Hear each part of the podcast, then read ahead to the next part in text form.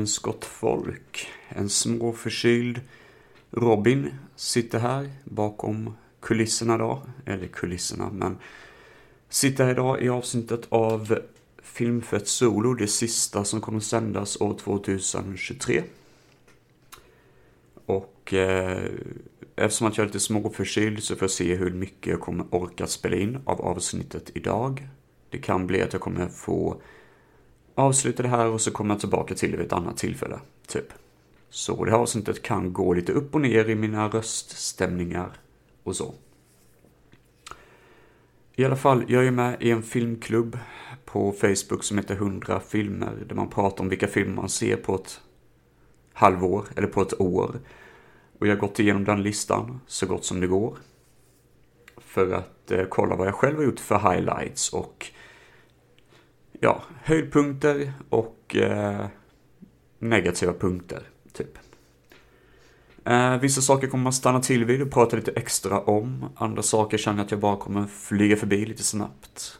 Men man kan väl säga att det blir lite grann som en återkoppling till vad det här året har bjudit och gett till mig i alla fall. Förhoppningsvis är någonting värt för er att lyssna på också. Så eh, vi sätter väl igång. Jag hoppas att ni hör mig okej. Okay. Jag tycker själv att jag låter som en jävla valross när jag pratar, men ja. Ni kanske, ni kanske inte märker någon skillnad alls, vem vet? Jag kanske låter så hela tiden. Den första filmen jag tänkte plocka upp, som har skrivit ner här på min lilla fusklapp, är The Wrestler. Suverän film av eh, Ja, nu kommer jag inte ihåg vad han heter, väldigt känd regissör i alla fall. Eh, Darnowski tror jag han heter. Något sånt. Eh, och eh, det handlar om en eh, wrestlare. Så, eh, alltså sån här, eh, vad heter det? Eh, han slåss i kampsport. Liksom tung kampsportskille då. Som är eh, gammal gubbe, spelar mycket Rourke. Och det handlar typ om hans liv efter hans stora karriär under 80-talet. Där kroppen har tagit mycket stryk. Eh, det har varit mycket sådana här WWE wrestling som har tagit kraften från honom. Han har inte samma intelligens. Eh, han har hörapparat och han är liksom skadad och omskakad. Och det här är en väldigt bra, fin film. Eh, jag var överraskad själv över hur vardagsmässig den är. Den försöker inte vara något mer än en fascinerande liten film om ålderdom och kändisskap, typ. Eh, jag rekommenderas totalt att se. Jag var faktiskt väldigt överraskad när jag såg den. Den var avkopplande och inte lika jobbig att se som jag trodde det skulle bli, utan jag trivs i den här filmens sällskap. En film som inte ger samma känsla är Brawl in Cell Block 99 och anledningen bakom det är att regissören till den filmen, han har gjort den suveräna, eller suveräna ska jag inte säga för jag själv är inte så förtjust i den, men den omtalade Bone Tomahawk. Och anledningen till att det är svårt för den filmen är att den börjar så otroligt långsamt. Det är en väldigt krypande film fram till den sista halvtimmen då det är otroligt brutalt och äckligt och motbjudande att kolla på. Och det är också en schysst sak, för jag tycker den regissören har lyckats med det både i den här filmen Brolin Cell Block 99 och Drag Across Concrete, som är en väldigt bra film. Jag tycker det här däremot, Cellblock, var den bästa han har gjort. Vince Vaughn är ingen skådis som jag direkt vill eh, hoppa på tåget med att ja, han vill jag se, liksom sådär. Men jag var väldigt överraskad över den. Jag tycker det är en brutal film, men med ett väldigt stort hjärta och väldigt bra skådespelare. Och rutten, cynisk, men samtidigt så bara, jag bara faller för den på ett sätt som jag inte riktigt gjorde i västernfilmen som han gjorde då, Bone Tomahawk. Ja, men det, det, är en väldigt bra film. Eh, hoppade till många gånger och hade en väldigt skön stund med den. Det var också en av de första filmerna som man faktiskt såg det här året. Run, Ronny, Run. Där dök nog min förkylning upp tror jag. Är eh, Bob Odenkirk och eh, kommer inte ihåg vad den andra killen heter. Eh, killarna från tv-serien Mr Show som finns på HBO som jag fullkomligt älskar. Absurd humor som har varit typ förlagen till Tim and Eric som än idag är väldigt kända. Eh, det här var deras långfilmsförsök och det var mycket problem under kulisserna, bakom kulisserna, vilket såklart syns i filmen. Det är någon typ av komedi som bara pågår för länge. Skämten är inte särskilt roliga. Jag bara satt och ville att det skulle ta slut. Det var för skrikigt helt enkelt. Och jag blev ganska besviken på den. Eh, jag skulle inte rekommendera att se den här filmen. Jag hade faktiskt väldigt svårt för den. Mr Show rekommenderar jag absolut däremot.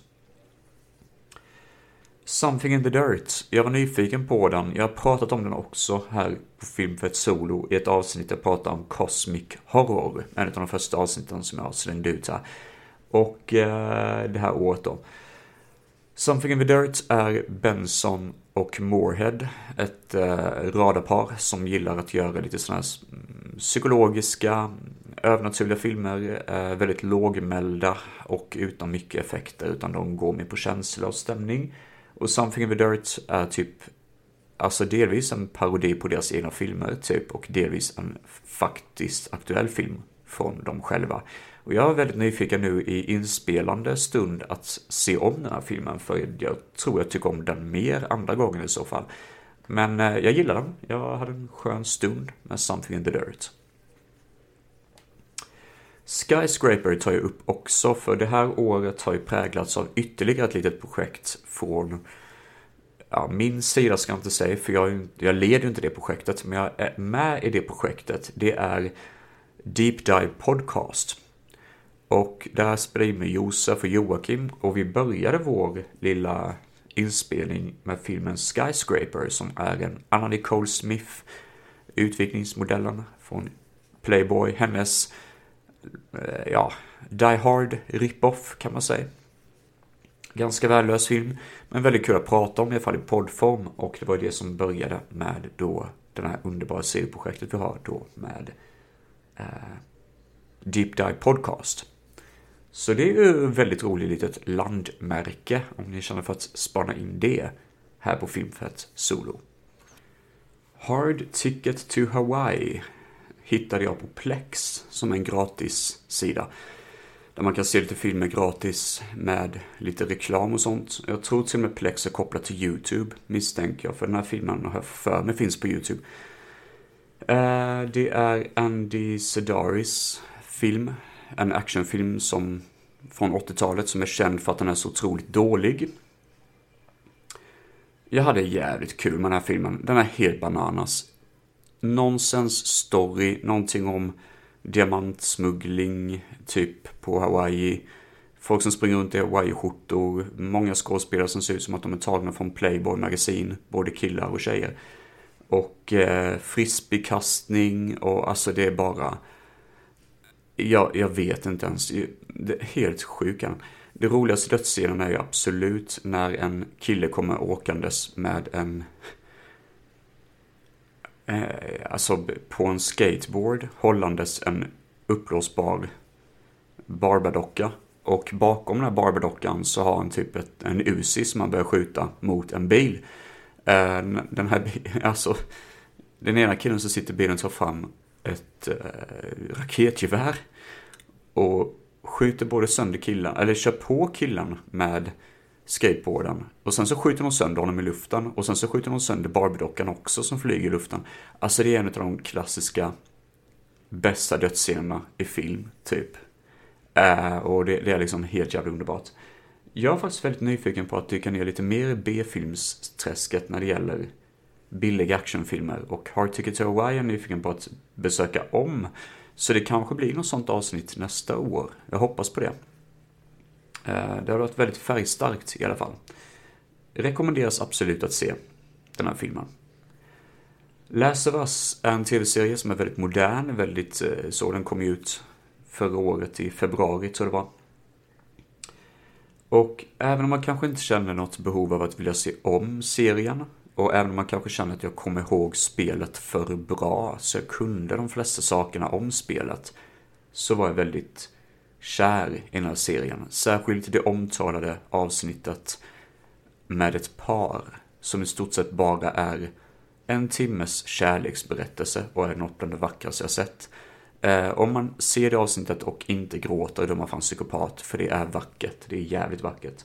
Sen så tycker jag väl nackdelen är att det är så mycket fokus på drama att man får inte se så mycket zombies och det tycker jag är lite tråkigt.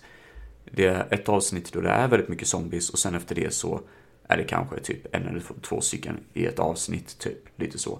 Jag hade velat ha lite mer zombie action, för det är ändå liksom det ska vara lite spänning involverat i det här dramat också. Men det är väldigt väl gjort och eh, nu när jag ändå nämner Last så kan jag också säga att jag äntligen sett Tjernobyl, som är eh, gjort av samma skapare. Väldigt bra serie. Har egentligen inte så mycket mer att tillägga mer än det. Mer än att man borde verkligen se den. Både den och Last of Us borde man verkligen se. Uh, ja, det är väl det jag har att säga om det. Här på Filmfett har jag också dykt ner lite grann i eh, uh, Giados. Och för de som lyssnar som är nya, det är kanske folk som inte har lyssnat på podden tidigare, så är Gialos en alltså Italien-producerad eh, filmgenre där man gjorde hårdkokta thrillers baserat på korta noveller med gult omslag, oftast erotiskt omslag också i filmen då liksom, eller i boken. Eh, man ville helt enkelt göra lite mer brutalare typer av thrillers som nästan går in lite grann i det skräckterritoriet liksom. Och eh, ett exempel på det skulle kunna vara den amerikanska filmen eh, När lammen tystnar. Hade den varit gjord i Italien så hade det mest troligtvis varit räknat som en giallo, typ. Eh, Four Flies and Grey Velvet, en riktigt schysst sådan film som jag vill highlighta idag för att jag har sett den tidigare och tyckte inte om den då. Men nu tyckte jag den var väldigt bra. Så det var kul att få lite, ja det var schysst, bättre än jag hade förväntat upplevelse när jag såg om den. Och The Night Evelyn Came Out of a Grave som har lite mer BDSM-aktigt innehåll, väldigt gotisk, väldigt mycket läder och väldigt mycket pisk och konstig stämning. Med detta sagt så, det är ju ingenting som jag själv är särskilt sådär attraherad av.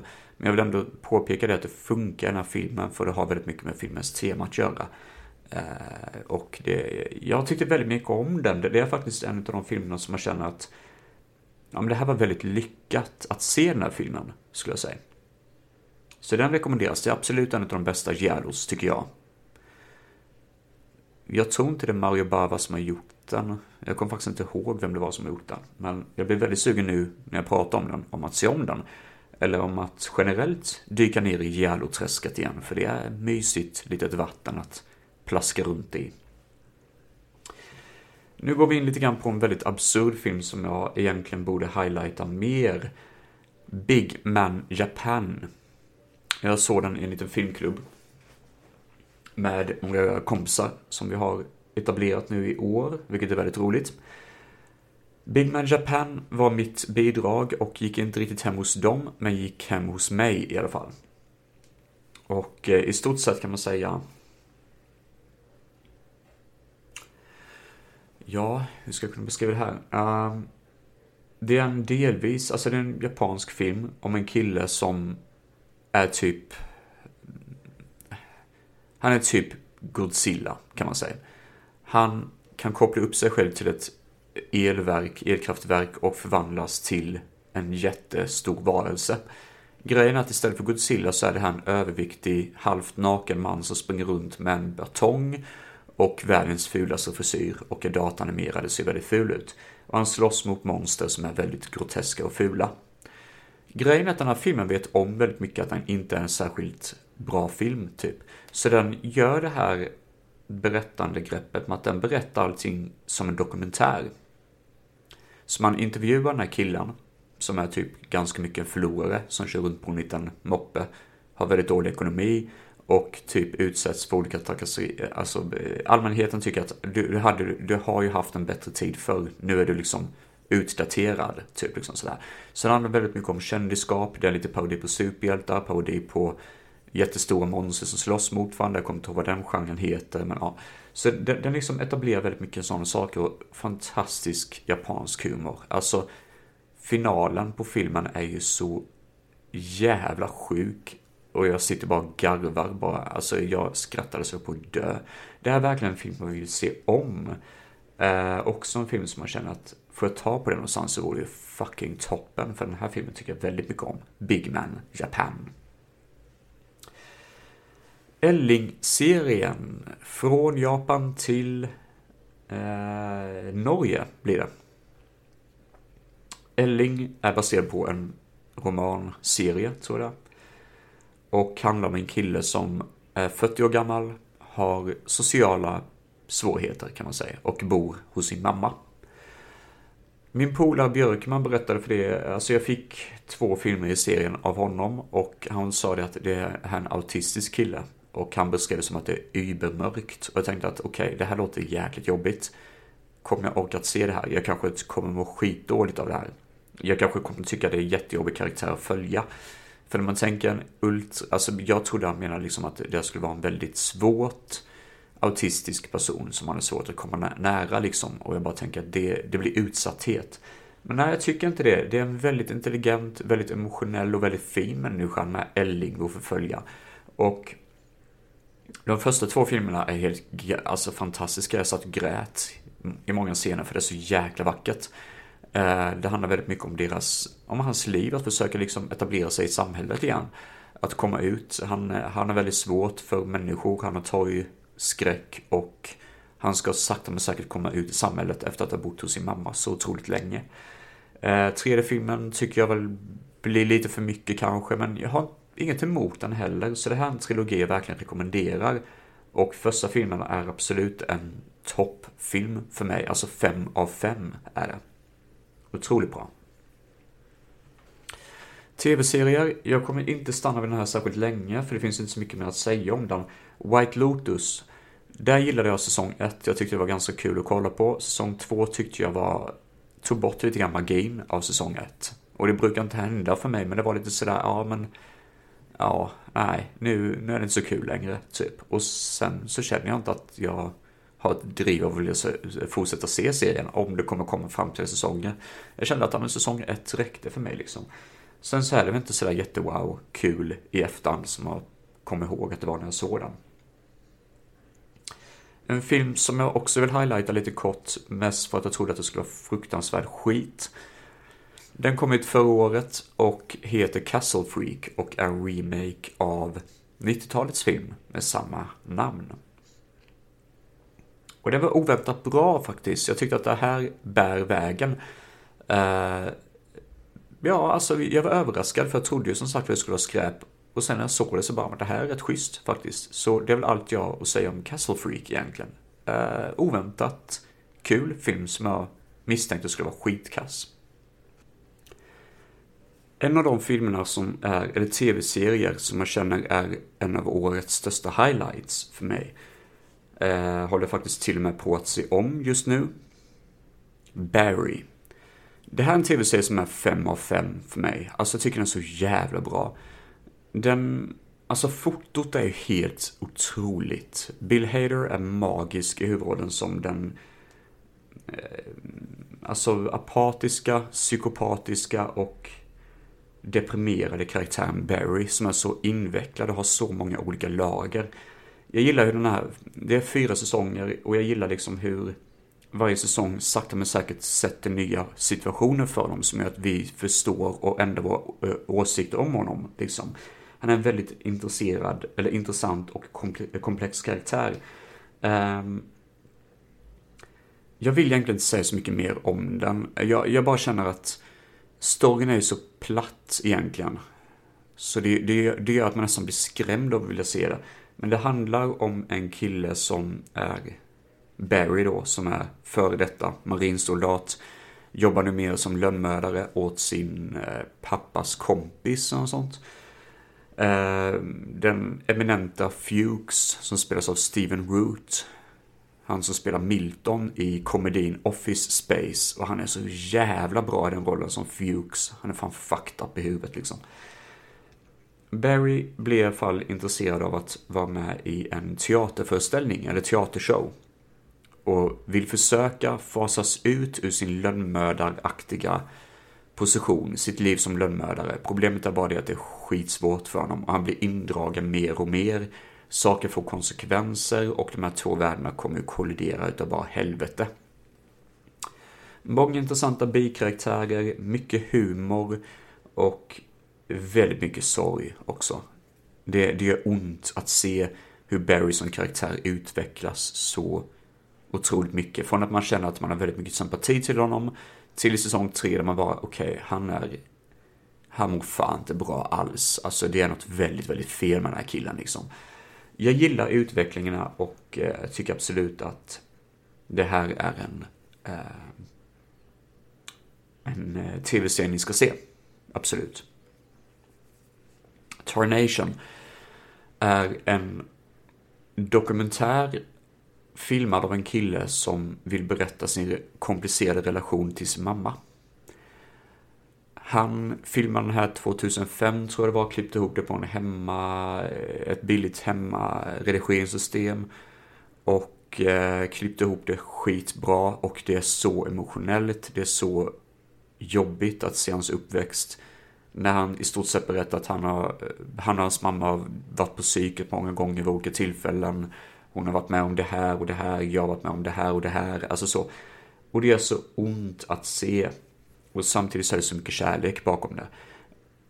Det här är verkligen en dokumentär ni borde se. Om ni får chansen till det. Tarnation är däremot svår att hitta. Jag har ju den på DVD. Men alltså jag tror inte den finns att streama någonstans jag är lite sådär, vill jag låna ut min DVD? Jag vet inte fan, för jag, den är väldigt bra. Och jag vill ju inte att den ska försvinna, liksom. Det är Tarnation, i alla fall. Sen en mer känd film som jag känner, eller film, ja, det är två filmer. Jag känner att jag bara ska överdra det här lite snabbt. Det är Paddington 1 och 2. Barnvänlig komedi, typ. Väldigt sockersöt, väldigt fluffig, rosa, och jag vet att när jag säger det här så tänker ni säkert, fy fan, då måste du hata det. Nej, jag älskar det. Jag älskar det. För det är så ärligt. Det gjorde ont i hjärtat när jag såg det här. Det är så vackert. Eh, jag fullkomligt älskar klippningen, jag älskar berättandeformen, jag älskar looken på filmen. Det är en väldigt snygg film. Och jag bara, jag bara älskar Paddington 1 och 2. Och jag tror det ska komma en trea och fan vad det kommer göra ont i hjärtat att se trean. Alltså, ja. Det, det, det, det, det, är så vackert så det gör ont. Det är som att se en person man bara fullkomligt älskar och bara tänker hur fan kan jag förtjäna att ens vara i samma, samma ställe som den här människan liksom. Nej, det är underbart. Se den. Simma lugnt Larry, Curb Your Enthusiasm. Jag har sett alla säsonger som finns ute just nu. Tycker det är riktigt schysst, väldigt bra humor, min typ av humor. Eh, inte lika kul som Seinfeld, men ändå jävligt bra. Det är det. Handlar om Larry David, han som skapade Seinfeld och typ en fiktiv berättelse om hans udda liv. Jag eh, älskar det. Deadly Reactor. Nu går vi in på ett riktigt skitinnehåll. Det här är... Eh, det känns skamfullt att säga att en av de sämsta filmer jag sett i år är en billig hemmagjord film från 89. Men den här filmen är så fasansfullt jävla dålig så att det gör ont i kroppen ens prata om det. Jag hittade den på YouTube, jag fick pausa många, många gånger, typ var femte minut, bara för att orka stå ut med det här. Jag såg den i postapokalyps-avsnittet som heter Sommarpokalyps som har släppt i sommar. Och det är ju... Redan där hade jag sagt att det här är nog bottennappet för det här året. Och det är det verkligen. Liksom. Det här är fruktansvärt dåligt. Ja, vad ska man säga? Lyssna på det avsnittet bara. Eh, jag försökte sammanfatta så bra som möjligt. Eh, ja. Det är... Fy fan. Det är riktigt jobbigt att se. Battle Truck är en annan Summer Apocalypse-film jag tog upp som är raka motsatsen. Det var det roligaste filmen jag såg i det avsnittet. Eh, har jag för mig i alla fall. Väldigt schysst underhållande actionfilm med en gigantisk jättemetalllastbil som kör genom ödemarkerna och en ond general som sitter bakom spakarna. Full action och eh, ja, jag vill få tag på den faktiskt i fysisk form för det här är en kul film. Den finns inte på YouTube, vill jag minnas i alla fall. Besvikelse Dude Bro Party Massacre 3. Det här gjordes av komedi Gruppen Five Second Movies. Den highlightades av YouTube-kanalen uh, Dead Meat. Och jag såg den, deras kanal, eller deras YouTube-klipp och tänkte det här är ju skitkul, det här vill jag se. Jag såg filmen och kände att den försöker vara trauma, den är åt det hållet, men den går lite, lite för långt. För att jag verkligen ska tycka om den till 100%. Jag är inte riktigt såld av den, rättare sagt. Mer av en besvikelse. Uh, jag skulle säga, jag rekommenderar att se den, men den är lite för dum för, i alla fall för min smak, om man säger så. Happiness är en väldigt, väldigt mörk film som i stort sett är en tung drama, men också en mörk komedi. Väldigt nattsvart komedi. För temat är så jävla nattsvart att det, det hade inte gått att göra någonting av det idag som humor. Liksom. För det handlar i stort sett om en familj där pappan är, eh, ja, han tänder på barn helt enkelt. Och jag vet vad ni tänker, hur fan kan man göra en, alltså en komedi på det här? Men det är så nattsvart humor, så det liksom gör ont att se. Eh, han berättar exempelvis för sin son hur viktigt det är att få utlösning och ah, Alltså det, det, det gör ont i kroppen när man ser det och äh, äh, jag kan inte ens sitta här och återberätta det för er för det, det är fan vidrigt. Det är en schysst film. Problemet för mig var att jag såg den utan text och jag har lite svårt att höra på engelska ibland. Och den är väldigt dialogfylld film. Så ja, det är den enda nackdelen jag har, men annars väldigt bra nattsvart komedi.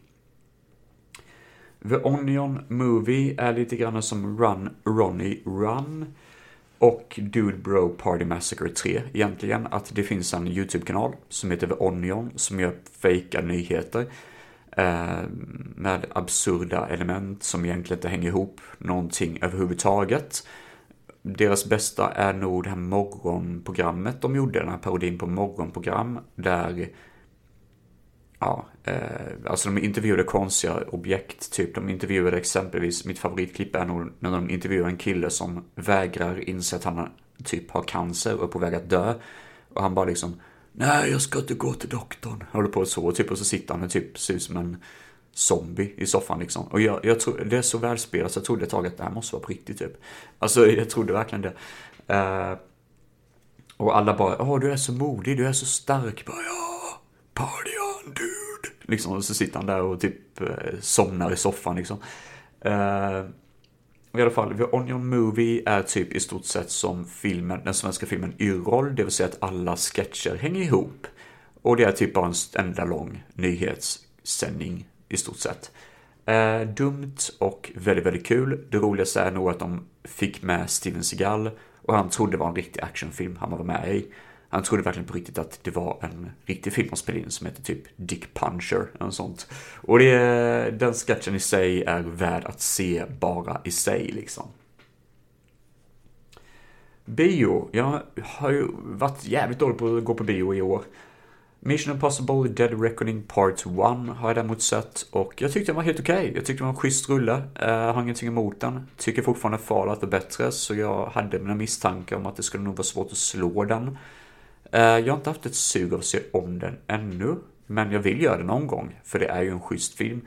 Problemet är nog att det är Part 1 också. Jag känner att jag vill ändå att filmen ska avslutas. När det gäller Mission Impossible i alla fall. Eh, när det gäller Dune så däremot så absolut, där är det bra att man har delat upp det i två akter för det är så pass stort. Eh, ja. Jag vill väl ha mer av en final, alltså mer av att just nu är det klart i alla fall i Part 1 av Dead Reckoning. What's Eating Gilbert Grape, även känd som Gilbert Grape på svenska, plockade upp i porträttavsnittet. Jag Jag för mig jag gjorde det i alla fall. Och det är fortfarande 5 av 5 för mig. Det är en fantastisk film. Jag tycker den är skitbra. Eh, helt enastående. Ni kan lyssna om den i det avsnittet om ni känner för det. Men det är väldigt bra drama med, eh, från 90-talet med Johnny Depp i huvudrollen. När vi snackar om snygga filmer så kan jag plocka upp The Fall. Som jag såg också i den här filmgruppen då, eller filmklubben. Och eh, The Fall är en visuellt otroligt snygg produktion. Jag kände direkt att det här är ju väldigt vackert att kolla på. Innehållet är väl ja, lite tomt är det. Uh, inget jättewow, men ändå helt okej, okay, typ. Men visuellt, eh, något bland det snyggaste jag sett. Jag kommer inte ihåg riktigt regissörens namn nu, men det är samma person som gjorde Vesell, som är typ någon mardrömsaktig historia om en person som ska gå in i en seriemördares huvud, typ. Den är jag lite nyfiken på att se också. Sen försvann tyvärr regissören och är inte aktiv idag på samma sätt i alla fall. Jag såg om Twin Peaks säsong 3 och tyckte ju väldigt mycket om den första gången jag såg den för några år sedan. Nu när jag sa om den så skulle jag säga så här, det finns grejer jag tycker väldigt mycket om. Allting med eh, Dougie Jones älskar jag, jag tycker det är fantastiskt. Jag älskar Kyle MacLachlan som skådis, så att han får möjligheten att prestera i tre stycken separata roller tycker jag är skitkul. Och jag tycker han gör det extraordinärt. Men det finns stunder som man känner vad fan gjorde de här egentligen? Vad, vad håller Lynch på med? Han fick lite för mycket hybris och det gick lite sådär. Så ja, en serie som går upp och ner helt enkelt, tycker jag. The Whale är regisserad av samma kille som gjorde The Wrestler. Och den var också med i den här filmklubben.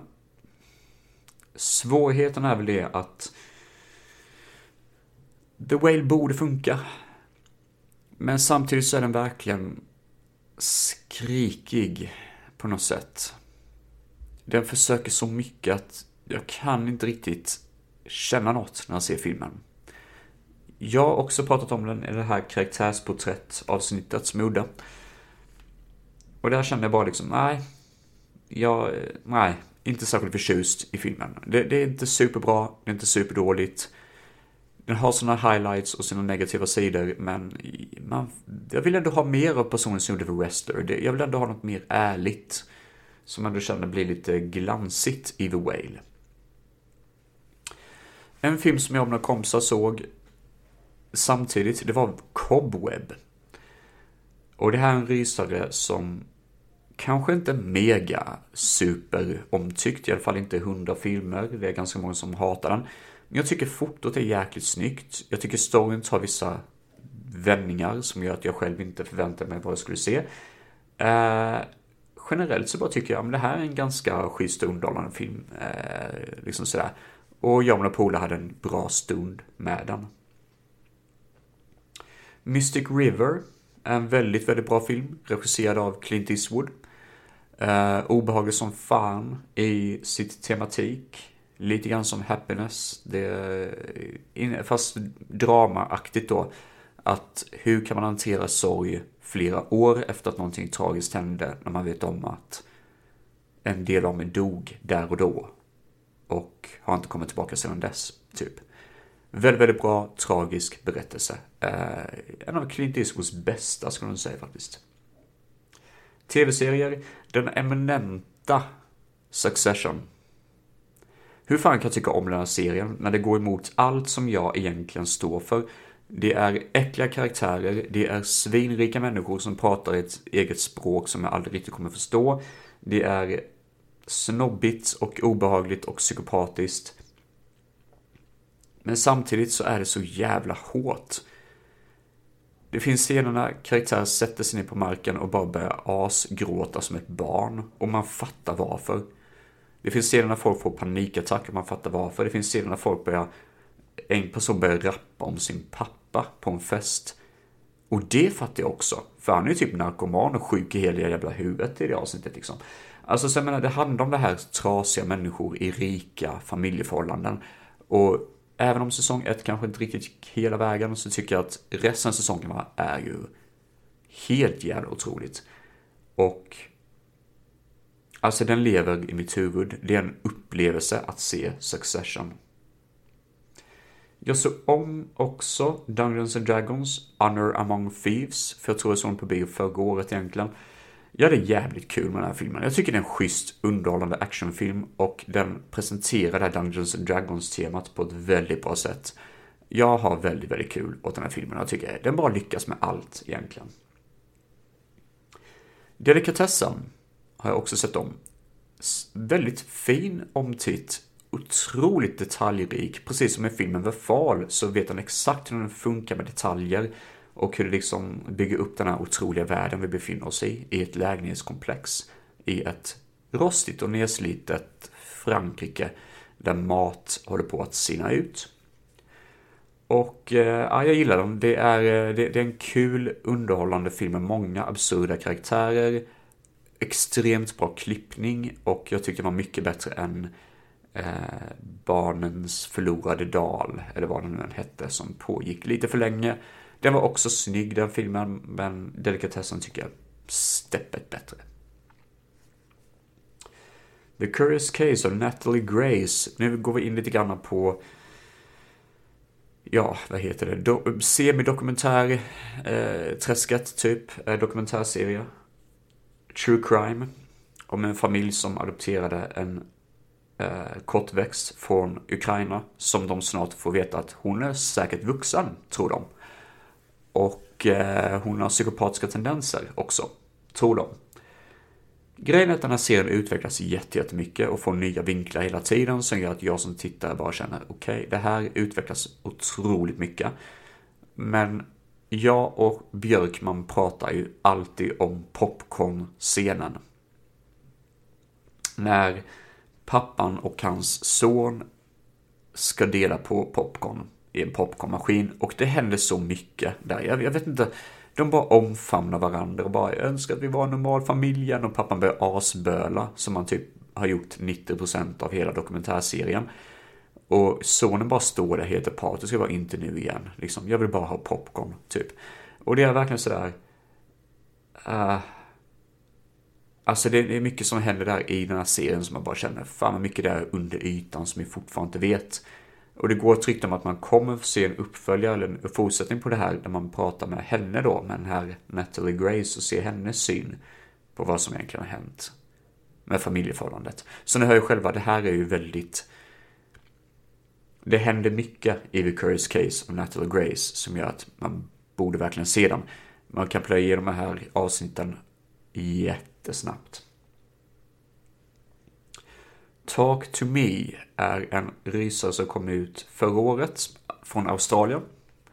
Och den har blivit en snackis i år och är alltså otroligt välgjord. Jag eh, älskar den inte. Det finns saker som jag känner kunde varit bättre. Men de sakerna som funkar är så jävla bra. Det är rent ut sagt väldigt obehagligt. Det är en besatthet film om liksom kontakt med spöken. Uh, och även om man kanske inte är särskilt intresserad av det så kan jag säga det att det blir en brutalitet om besatthet. Både besatthet i mänsklig form och besatthet i övernaturlig form. Och jag rekommenderar att se dem. Det här, de som gjort filmen, jag tror de kommer fortsätta. De kommer göra en uppföljare vet jag. Talk to me, Talk 2 mig, vilket är en otroligt dålig titel. Uh, men ja, det här, är, det här är bra. Det här är väldigt, väldigt bra. Eller väldigt bra ska jag inte säga, nu överhypar jag den. Det finns felaktigheter som sagt var, men jag rekommenderar den ändå. Solaris. Det här är en rysk livsfilosofisk film av Andrei Tarkovsky. Bara det är ju en sak i sig. Eh, meditativ, skulle jag säga. Och kanske inte filmen jag känner att jag vill se om, men en film som satte mig i en viss typ av stämning som jag inte trodde jag skulle befinna mig i. Och oväntat bra. Alltså det här skulle mycket väl kunna vara en av mina favorit science fiction-filmer. Konstigt nog, bara för att den är så ofantligt atmosfärisk och jag är nyfiken på att se mer av Andrei Tarkovsky. Det är torrt, absolut, Men det är bra. No One Will Save You är en ofantligt dålig film däremot. Det här är en stum film. Ja, jag vet inte vad man ska kalla det för. Eh, ingen person säger någonting under hela filmen. Det är en kvinna i ett hus som attackeras av Grey Aliens och hon springer runt i samhället och försöker få hjälp. Eh, ja, den, den, är bara tom. Jag och min polare, vi satt och försökte, försökte ge den en chans och bara, men det här är ju skittråkigt att kolla på. Det här är ju bara digitala effekter typ hela filmen och nej. Jag vet att Björkman älskar den av någon konstig anledning, men vi bara zonade ut som fan. Det här är inte bra. Det här är inte bra. Legend of a Holy Drinker är däremot väldigt, väldigt bra.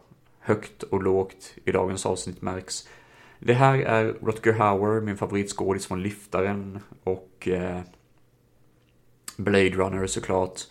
Eh, Lady Hawk. Många av otroligt bra filmer.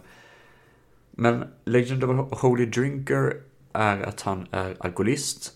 Han är hemlös och kommer över ett stort antal pengar. Som han funderar på, ska han ändra om sitt liv? Eller vad ska han göra? Typ. Den här filmen är ganska repetitiv, men den använder repetition på bra sätt. Eh, när jag gick författarutbildningen så fick jag vi läsa den eh, Tolstojs eh, ja, vad heter den? Eh, inte Menomus eh, bond, ja det är någon bonde i alla fall som ska ut och åka släde, nu kom fan inte ihåg vad den heter nu. Uh, och den upprepar sig väldigt mycket att de kör fel, sen kommer tillbaka, sen kör de fel och så vidare. Men upprepningarna tycker jag fungerar där och det är någonting som funkar väldigt bra i Legend of Holy Drinker också.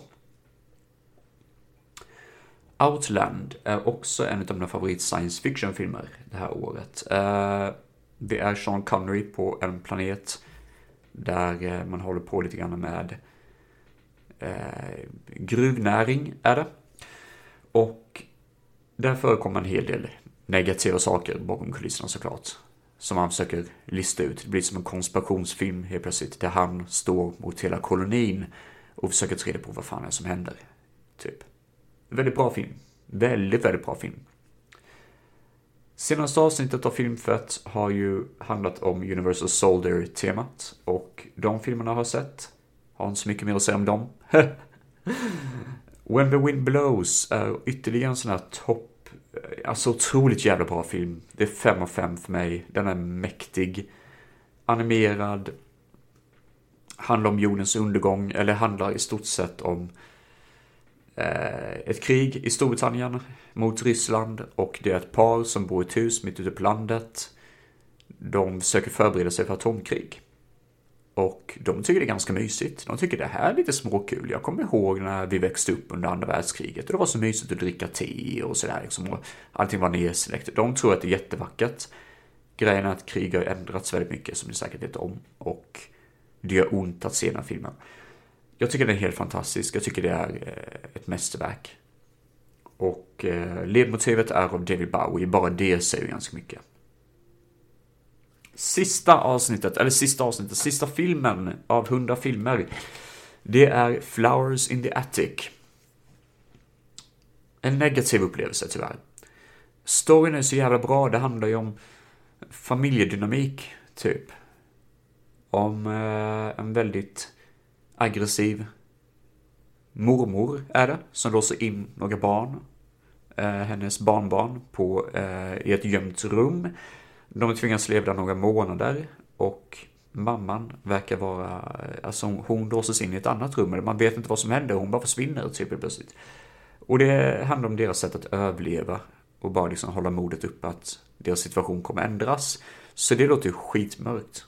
Och det är lite eh, incest och sånt som händer också. Det här låter ju jävligt mörkt.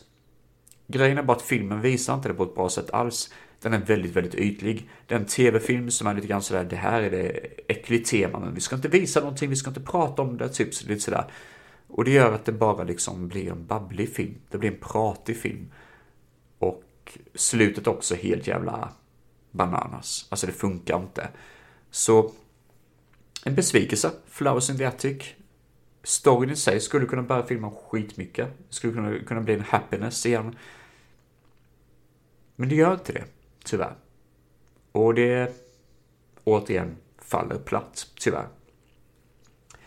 Och det avrundar 100 filmer 2023.